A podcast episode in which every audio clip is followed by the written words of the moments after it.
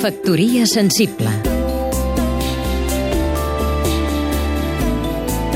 Emili Rosales, escriptor i editor Us recomano que no deixeu passar l'oportunitat de veure l'exposició retrospectiva que el Museu Nacional d'Art de Catalunya dedica al fotògraf Joan Colom.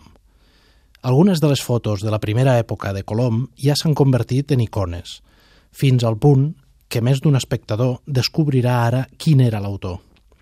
Però d'altra banda, aquesta mostra representa una oportunitat única de veure el conjunt de l'obra del fotògraf. Colom, com els seus companys de generació Ramon Masats, Xavier Miseracs o Francesc Catalarroca, cadascun amb la seva personalitat i evolució posterior, va sacsejar la tradició fotogràfica a final dels anys 50 i primer 60 amb una nova manera de fer i, sobretot, amb uns motius que van cridar poderosament l'atenció. Colom fotografia el carrer d'una manera directa, el que en podríem dir un testimoni del seu moment. Però quin carrer?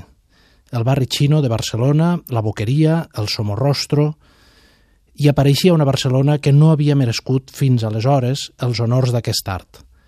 Una realitat, la pobresa, la prostitució, que xocava amb la imatge que la ciutat tenia d'ella mateixa. El realisme en la temàtica i una concepció que ara ens sembla més clàssica que aleshores es van incorporar amb Joan Colom a l'ADN de la fotografia catalana. Factoria sensible Seguim-nos també a catradio.cat